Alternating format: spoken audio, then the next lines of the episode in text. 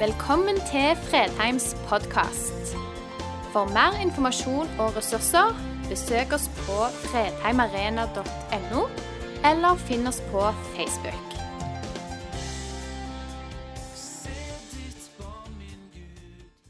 For noen eh, dager siden var jeg ute og kom over et eh, lite skogsområde. Hvor de trærne som står nå i front, helt tydelig har fått et sjokk i møte med vinden. Dette er jo ikke et veldig uvanlig strøk, er uvanlig i strøk hvor vinden definitivt er en faktor, slik som på Jæren. Fra kanskje å ha levd livets glade dager som trær, ikke at jeg vet hvordan det ser ut fra et tres perspektiv, men hvis vi da antar at det er godt innepakka av andre trær, beskyttet av resten av gjengen din av trær, så må de nå for første gang klore seg fast i bakken. Idet de til sitt sjokk erfarer at de nå er første skansen mot vinden etter uttynning av skogen. Og så blir jo da spørsmålet er de bygd for det. Er rotforankringen god nok? Hva med jordmassen? Er de stabile nok?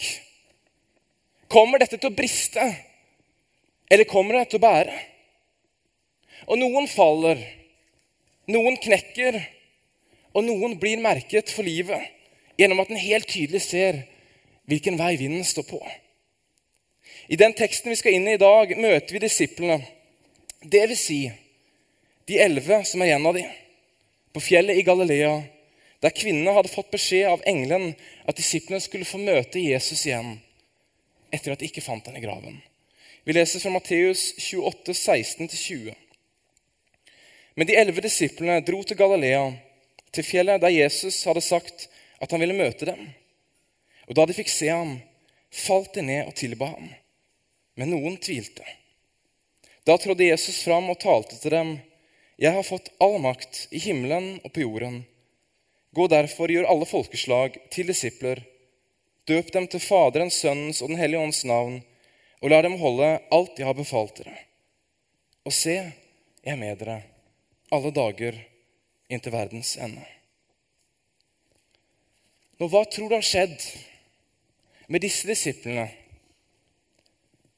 fra de for ca. tre år tidligere møtte Jesus, begynte å følge ham og la samtlige ned sitt liv? Det de gjorde for å følge ham fram til nå. På det tidspunktet hvor de nå sto på dette fjellet i Galilea, hadde de akkurat gått igjennom dramaet med å miste ham. Og her får de møte ham på nytt. For de første disiplene var kanskje opplevelsen noe av den samme som det var for disse trærne. Fra å være mer eller mindre anonyme i mengden til å bli plassert i fronten av denne bevegelsen, som i 2017 er spredd i alle verdens hjørner. Eller det er faktisk ikke helt sant at de var helt anonyme. Noen av dem hadde allerede utmerket seg gjennom hva de holdt på med, hvilken grupperinger de tilhørte på en negativ måte i folket.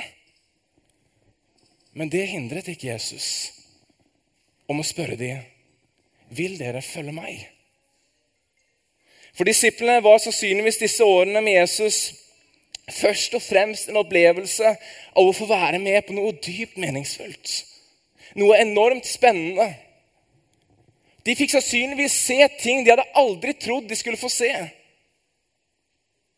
Men Jeg satt og snakka med en av kollegaene mine på, litt tidligere denne uka.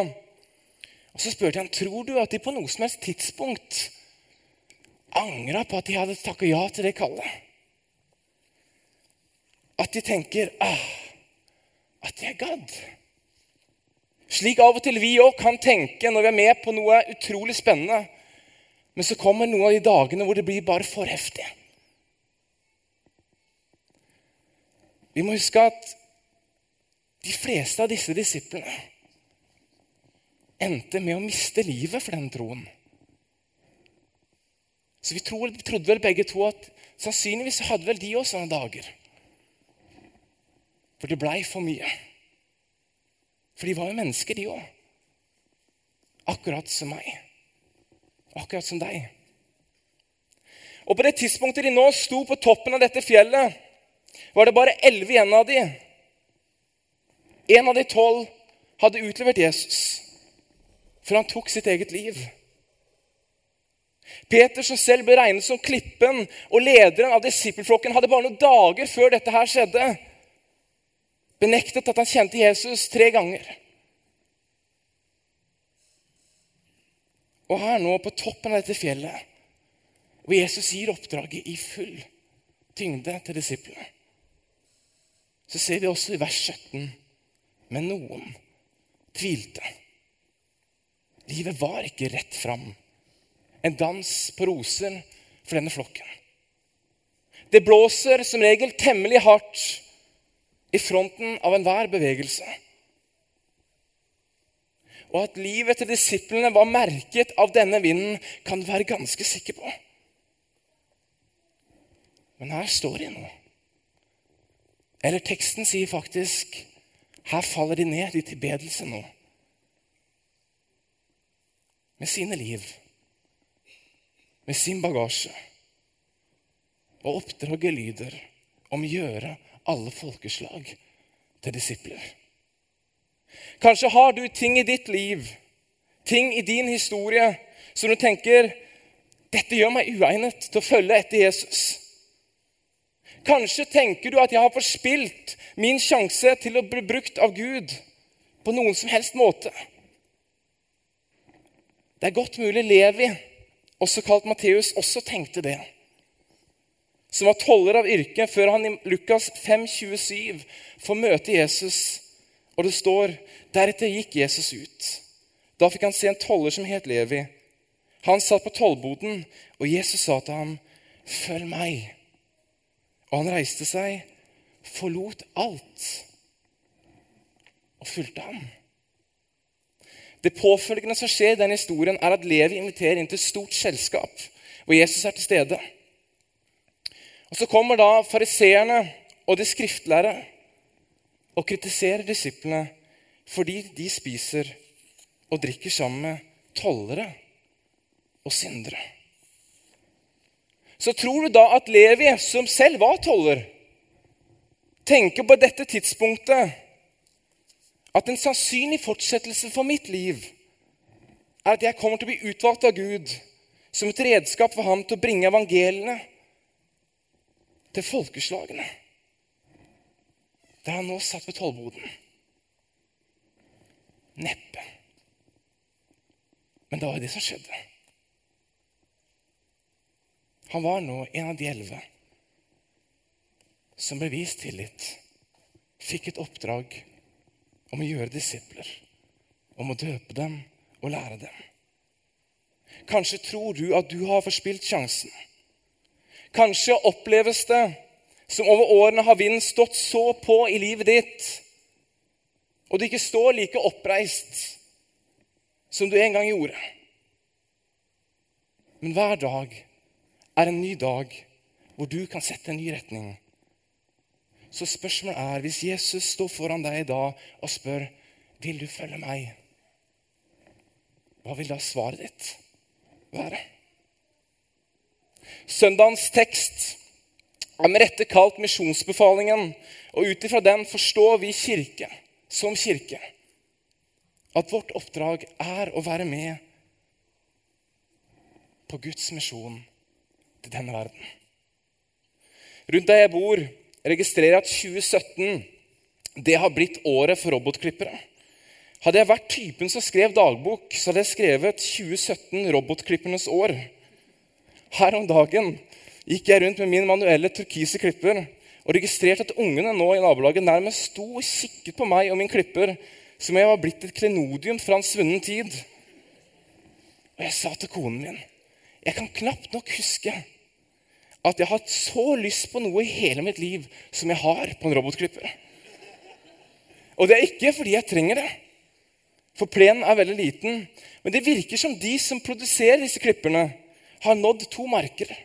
Markedet. De har nådd markedet for klippere, og så har de nådd markedet for sånne som meg, menn i 30-40-årene, som ikke ønsker seg hund, men likevel kunne tenkt seg et kjæledyr å dressere. Det gis navn, Det bygges hus til dem. Og gleden jeg kan se i øynene til eierne når klipperne adlyder klare passasjer de tidligere ikke har klart, ikke setter seg fast og ikke kjører utfor kanten, det trigger noe i meg. Dette vil jeg òg være med på. Hvor vil jeg med dette? Jo, For å få disse robotklipperne til å gå, så legges det ut et ledningsnettverk hvor du på en måte rammer inn hagen din. Og der lever de sitt liv. De kjører rundt der. I denne firkanten, i denne boksen. Jeg tror kanskje for lenge har vi tenkt om misjon på samme måte. Slik har vi alltid gjort det. På denne måten. Så slik fortsetter vi å gjøre det. Men så er like fullt det at Jesus aldri sier til disippelflokken sin bygg opp en misjonsorganisasjon som tar seg av alt som har med misjon å gjøre. Han sier enkelt og greit gjør alle folkeslag til disipler. Døp dem til Faderens, Sønnens og Den hellige ånds navn, og lær dem å holde alt de har befalt dere. Ut ifra teksten virker det veldig mye mer plassibelt å si at dette er det naturlige livet, den naturlige delen av livet til hver og en av oss i etterfølgelse av Jesus Kristus. I 1. Korinterbrev 12,7 står det dere er Kristi kropp, og hver av dere er et lem på ham. Som etterfølgere av Jesus Kristus er hver og en av oss et lem på kroppen hans og utgjør kirken. Og Da kan vi glemme om misjon som en innhegning, og hvor det som enheten skal se likt ut for alle. For det betyr da at misjon vil se forskjellig ut, alt etter hvilken gaver du har blitt utrustet med. Slik det sannsynligvis også var for de første disiplene, som var forskjellige. Ikke misforstå meg. Misjonsorganisasjonene vil fortsatt trenges til å sende mennesker til andre deler av verden, og det er superviktig. Men disse folkeslagene Realiteten er at de også er rett utenfor døren din. På arbeidsplassen din, på studiestedet ditt. Der er det mennesker som er elsket av Gud, men som ennå ikke kjenner ham eller vet hvem han er. Men sannsynligheten er ikke stor for at det er en misjonsorganisasjon som legger nettopp strategien der.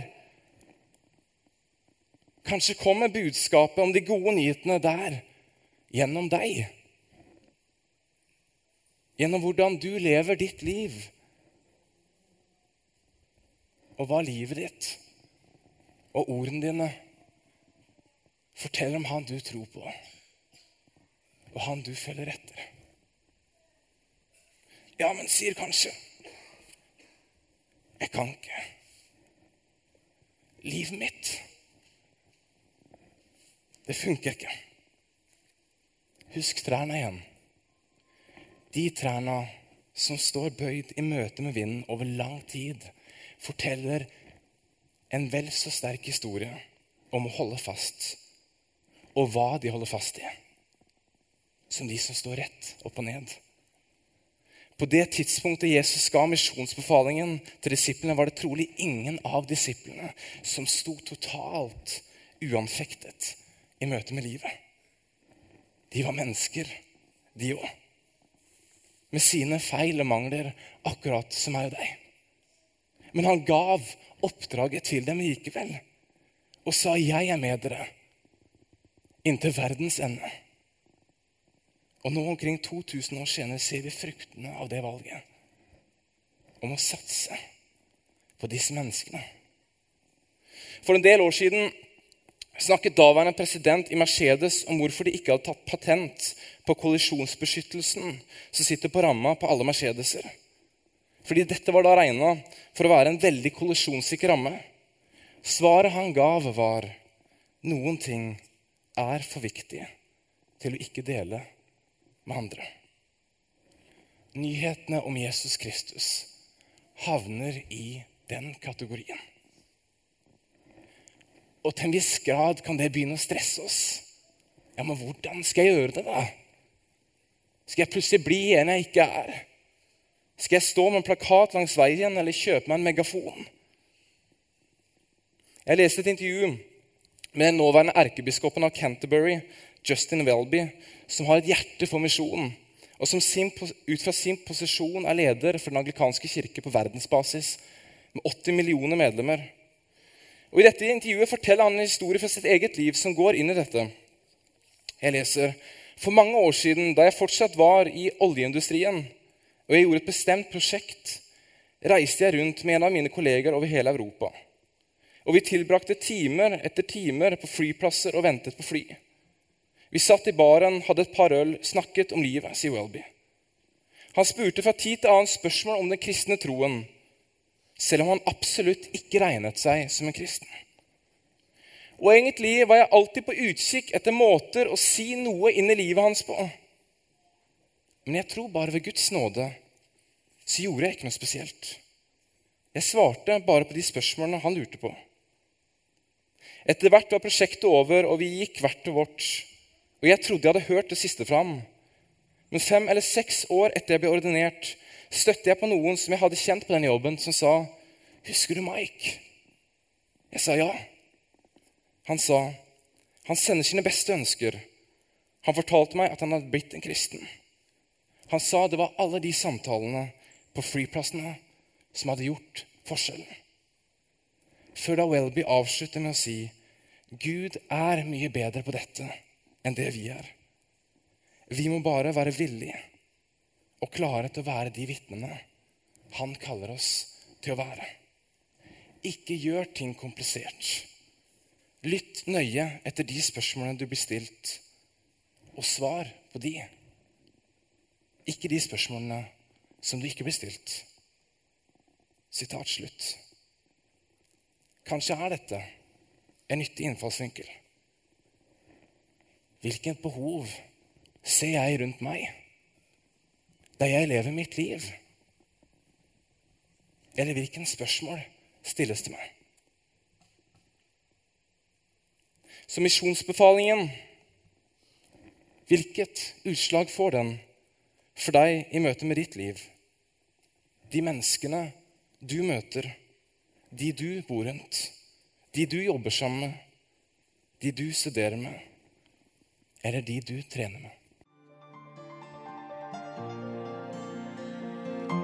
Takk for at du valgte å høre på. Nye opptak legges ut hver uke. Vi har gudstjenester hver helg, og du er hjertelig velkommen.